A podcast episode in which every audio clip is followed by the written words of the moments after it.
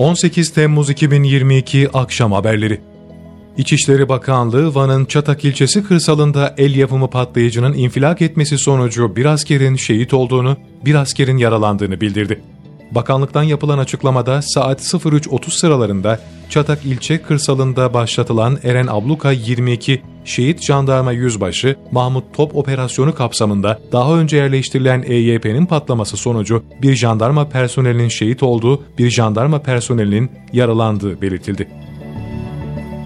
Diyarbakır'da eylem hazırlığındaki iki terörist etkisiz hale getirildi. Eren Abluka 21 operasyonu kapsamında teröristlerden biri Diyarbakır İl Jandarma Komutanlığı'nca Daralan köyü mücavirinde zırhlı araçla yapılan müdahale neticesinde bölgeden kaçmaya çalışan diğer bölücü örgüt mensubu da hava unsurları ve atak helikopteri vasıtasıyla etkisiz hale getirildi. Etkisiz hale getirilen örgüt mensuplarından Azat Kendal Kod adlı Necati Utku Kiraz'ın Interpol tarafından kırmızı bültenle ve terör arananlar listesinde turuncu kategoride aranan, sözde özel kuvvetler içinde faaliyet gösteren terörist olduğu tespit edildi. Ukrayna'ya teslim edilmek üzere gönderilen Bayraktar TB2 bağış kampanyaları Norveç'e de taşındı. Ukrayna ordusuna ve halkına destek için Bayraktar TB2 satın alıp bağışlanması amacıyla bir dizi ülkede kampanyalar başlatılmıştı. Kampanyalar sonunda Ukrayna'da 3, Litvanya'da 1 Bayraktar TB2 alımı için hedeflenen rakamlara ulaşıldı. Polonya'da aynı amaçla açılan kampanya ise sürüyor. Kampanya kapsamında 55 milyon kron toplanması ve Ukrayna Büyükelçiliği Yardım Fonu'na iletilmesi hedefleniyor. Milli Savunma Bakanı Hulusi Akar Başkanlığında Genelkurmay Başkanı Orgeneral Yaşar Güler, kuvvet komutanları, bakan yardımcıları ve birlik komutanlarının katılımıyla video konferans toplantısı gerçekleştirildi. Toplantıda Bakan Akar, tahıl ve gıda maddelerinin taşınması için bir plan üzerinde genel prensipler üzerinde anlaşmaya varıldı. Bunun somut uygulama planına dönüşmesi için gayretlerimizi sürdürüyoruz. Bu hafta içinde bununla ilgili bir toplantı yapılması muhtemel ifadesini kullandı. ÖSYM Başkanı Profesör Doktor Halis Aygün 18-19 Haziran'da gerçekleştirdikleri Yükseköğretim Kurumları sınavı sonuçlarının açıklandığını bildirdi. 2022 YKS tercih işlemlerinin 27 Temmuz 5 Ağustos tarihlerinde yapılacağını kaydeden Halis Akgün ayrıca YKS birincilerinin illerini de duyurdu.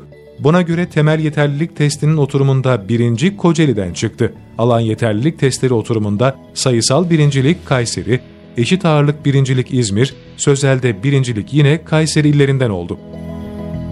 İçişleri Bakanı Süleyman Soylu 7-18 Temmuz'da Kurban Bayramı tatilinde ülke genelinde meydana gelen trafik kazalarında 67 kişinin hayatını kaybettiğini bildirdi.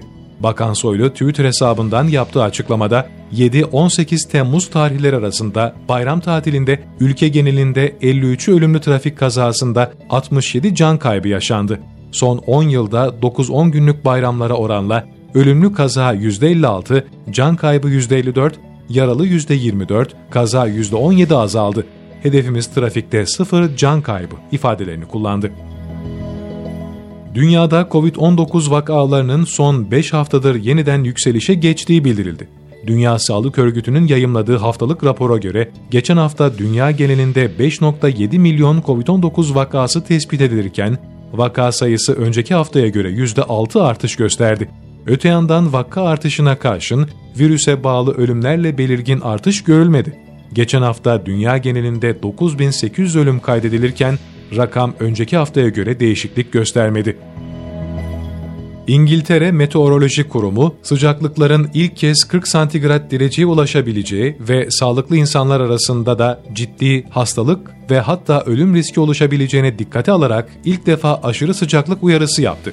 Seyahat, sağlık hizmetleri ve eğitimi olumsuz etkileyen aşırı sıcaklara yönelik kırmızı alarmın 19 Temmuz'a kadar süreceği bildirildi. İngiltere'de şimdiye kadar kaydedilen en yüksek sıcaklık 2019'da bir rekor olan 38.7 santigrat derece olarak tespit edilmişti.